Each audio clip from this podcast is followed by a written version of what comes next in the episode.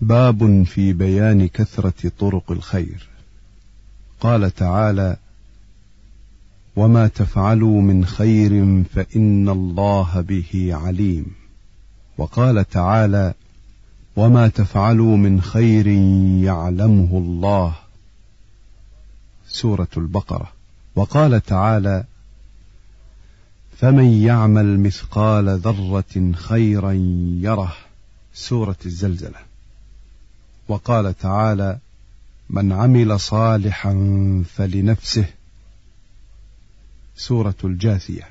عن أبي ذر جندب بن جنادة رضي الله عنه قال قلت يا رسول الله أي الأعمال أفضل؟ قال الإيمان بالله والجهاد في سبيله. قلت أي الرقاب أفضل؟ قال أنفسها عند أهلها وأكثرها ثمنا. قلت فإن لم أفعل. قال تعين صانعا أو تصنع لأخرق. قلت يا رسول الله أرأيت إن ضعفت عن بعض العمل؟ قال تكف شرك عن الناس فإنها صدقة منك على نفسك. متفق عليه. عن أبي ذر رضي الله عنه أن رسول الله صلى الله عليه وسلم قال يصبح على كل سلامة من أحدكم صدقة فكل تسبيحة صدقة وكل تحميدة صدقة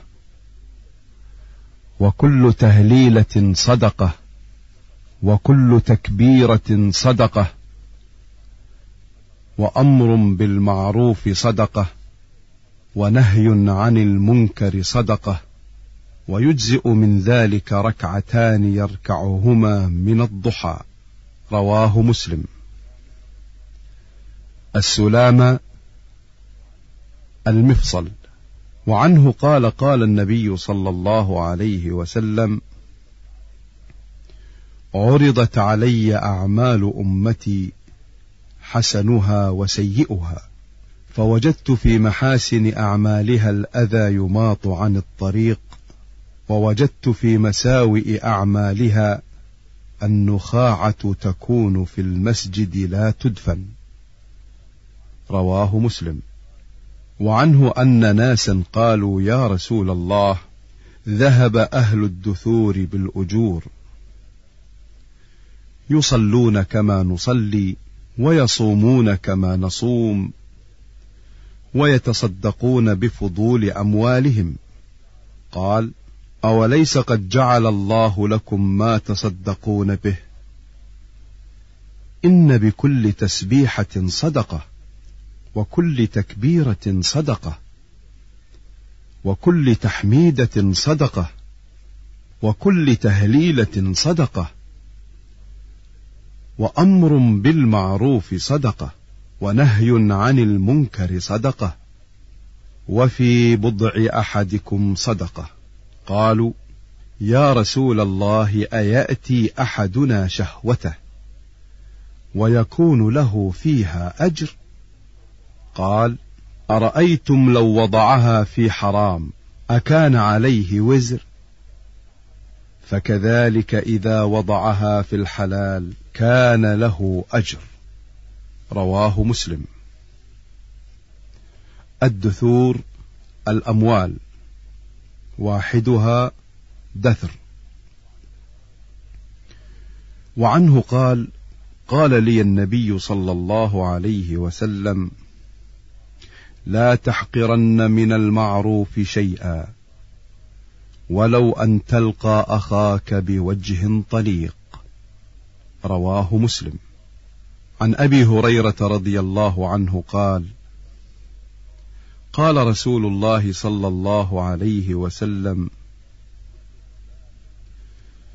كل سلامة من الناس عليه صدقة. كل يوم تطلع فيه الشمس. تعدل بين الاثنين صدقة. وتعين الرجل في دابته فتحمله عليها أو ترفع له عليها متاعه صدقة والكلمة الطيبة صدقة وبكل خطوة تمشيها إلى الصلاة صدقة وتميط الأذى عن الطريق صدقة ورواه مسلم أيضا من رواية عائشة رضي الله عنها قالت قال رسول الله صلى الله عليه وسلم إنه خلق كل إنسان من بني آدم على ستين وثلاثمائة مفصل فمن كبر الله وحمد الله وهلل الله وسبح الله واستغفر الله وعزل حجرا عن طريق الناس أو شوكة أو عظما عن طريق الناس. أو أمر بمعروف أو نهى عن منكر عدد الستين والثلاثمائة فإنه يمسي يومئذ وقد زحزح نفسه عن النار. وعنه عن النبي صلى الله عليه وسلم قال من غدا إلى المسجد أو راح أعد الله له في الجنة نزلا كلما غدا أو راح. متفق عليه. النزل القوت والرزق وما يهيأ للضيف. وعنه قال قال رسول الله صلى الله عليه وسلم يا نساء المسلمات لا تحقرن جارة لجارتها ولو فرس نشاه. متفق عليه. قال الجوهري الفرسن من البعير كالحافر من الدابه قال وربما استعير في الشاه. وعنه عن النبي صلى الله عليه وسلم قال الإيمان بضع وسبعون أو بضع وستون شعبة. فأفضلها قول لا إله إلا الله وأدناها إماطة الأذى عن الطريق والحياء شعبة من الإيمان. متفق عليه. البضع من ثلاثة إلى تسعة. والشعبة القطعة.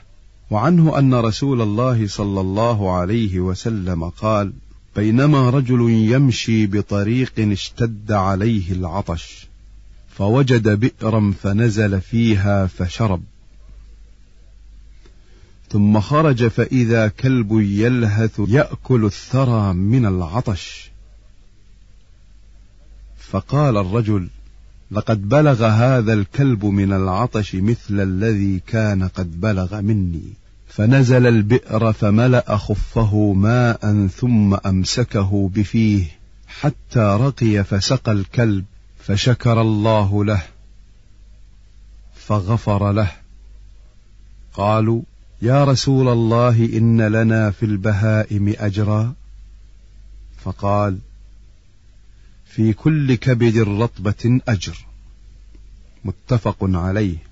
وفي رواية للبخاري فشكر الله له فغفر له فأدخله الجنة.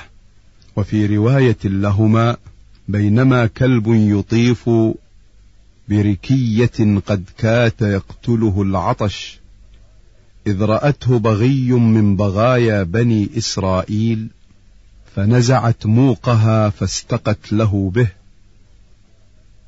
فسقته فغفر لها به الموق الخف ويطيف يدور حول ركية وهي البئر. وعنه عن النبي صلى الله عليه وسلم قال لقد رأيت رجلا يتقلب في الجنة في شجرة قطعها من ظهر الطريق كانت تؤذي المسلمين. رواه مسلم.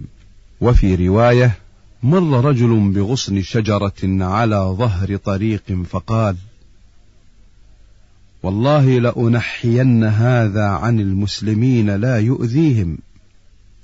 فأدخل الجنة. وفي رواية لهما بينما رجل يمشي بطريق وجد غصن شوك على الطريق فأخره فشكر الله له فغفر له. وعنه قال قال رسول الله صلى الله عليه وسلم من توضأ فأحسن الوضوء ثم أتى الجمعة فاستمع وأنصت غفر له ما بينه وبين الجمعة وزيادة ثلاثة أيام ومن مس الحصى فقد لغى رواه مسلم. وعنه أن رسول الله صلى الله عليه وسلم قال إذا توضأ العبد المسلم أو المؤمن فغسل وجهه خرج من وجهه كل خطيئة نظر إليها بعينه مع الماء أو مع آخر قطر الماء فإذا غسل يديه خرج من يديه كل خطيئة كان بطشتها يداه مع الماء أو مع آخر قطر الماء فإذا غسل رجليه خرجت كل خطيئة مشتها رجلاه مع الماء أو مع آخر قطر الماء حتى يخرج نقيا من الذنوب. رواه مسلم. وعنه عن رسول الله صلى الله عليه وسلم قال الصلوات الخمس والجمعة إلى الجمعة ورمضان إلى رمضان مكفرات لما بينهن إذا اجتنبت الكبائر. رواه مسلم. وعنه قال قال رسول الله صلى الله عليه وسلم ألا أدلكم على ما يمحو الله به الخطايا ويرفع به الدرجات؟ قالوا بلى يا رسول الله. قال إسباغ الوضوء على المكاره وكثرة الخطى إلى المساجد وانتظار الصلاة بعد الصلاة فذلكم الرباط. رواه مسلم.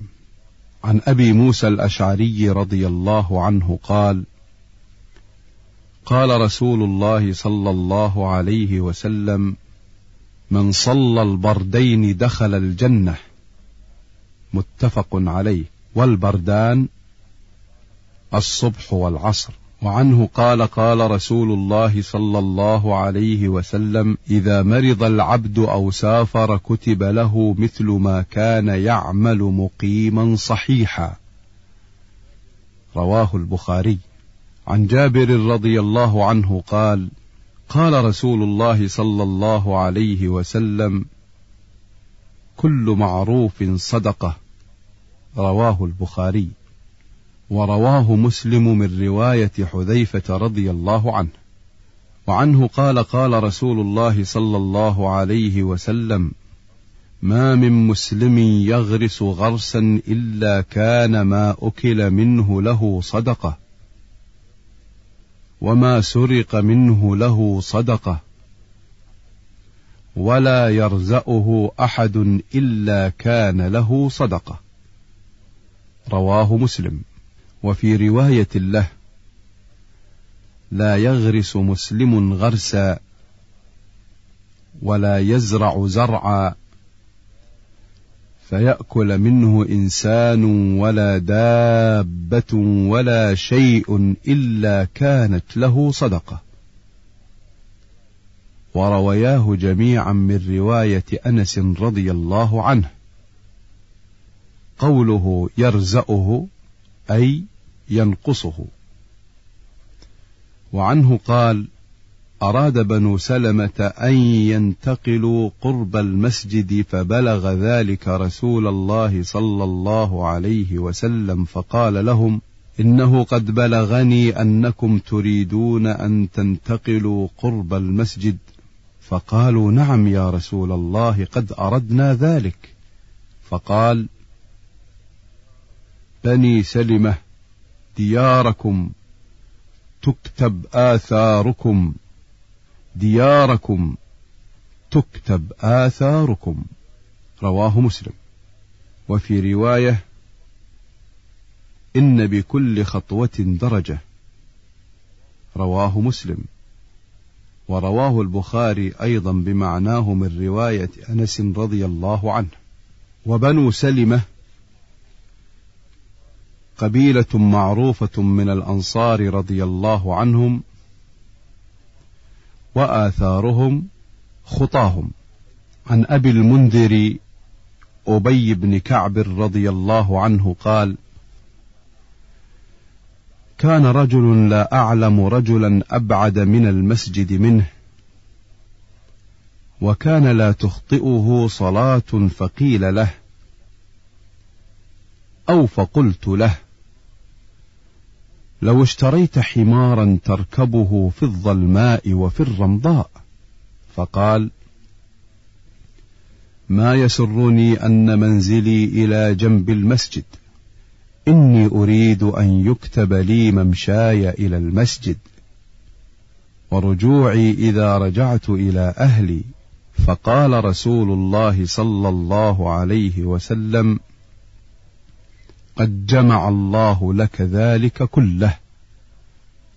رواه مسلم. وفي رواية إن لك ما احتسبت الرمضاء الأرض التي أصابها الحر الشديد. عن أبي محمد عبد الله بن عمرو بن العاص رضي الله عنهما قال قال رسول الله صلى الله عليه وسلم أربعون خصلة أعلاها منيحة العنز. ما من عامل يعمل بخصلة منها رجاء ثوابها وتصديق موعودها إلا أدخله الله بها الجنة. رواه البخاري. المنيحة أن يعطيه إياها ليأكل لبنها ثم يردها إليه. عن عدي بن حاتم رضي الله عنه قال سمعت النبي صلى الله عليه وسلم يقول اتقوا النار ولو بشق تمرة. متفق عليه. وفي رواية لهما عنه قال قال رسول الله صلى الله عليه وسلم ما منكم من أحد إلا سيكلمه ربه ليس بينه وبينه ترجمان. فينظر أيمن منه فلا يرى إلا ما قدم. وينظر أشأم منه فلا يرى إلا ما قدم. وينظر بين يديه فلا يرى إلا النار تلقاء وجهه. فاتقوا النار ولو بشق تمرة. فمن لم يجد فبكلمة طيبة. عن أنس رضي الله عنه قال قال رسول الله صلى الله عليه وسلم إن الله ليرضى عن العبد أن يأكل الأكلة فيحمده عليها أو يشرب الشربة فيحمده عليها. رواه مسلم. والأكلة هي الغدوة أو العشوة. عن أبي موسى رضي الله عنه عن النبي صلى الله عليه وسلم قال على كل مسلم صدقة. قال أرأيت إن لم يجد؟ قال يعمل بيديه فينفع نفسه ويتصدق. قال أرأيت إن لم يستطع؟ قال يعين ذا الحاجة الملهوف. قال أرأيت إن لم يستطع؟ قال يأمر بالمعروف أو الخير. قال أرأيت إن لم يفعل؟ قال يمسك عن الشر فإنها صدقة. متفق عليه.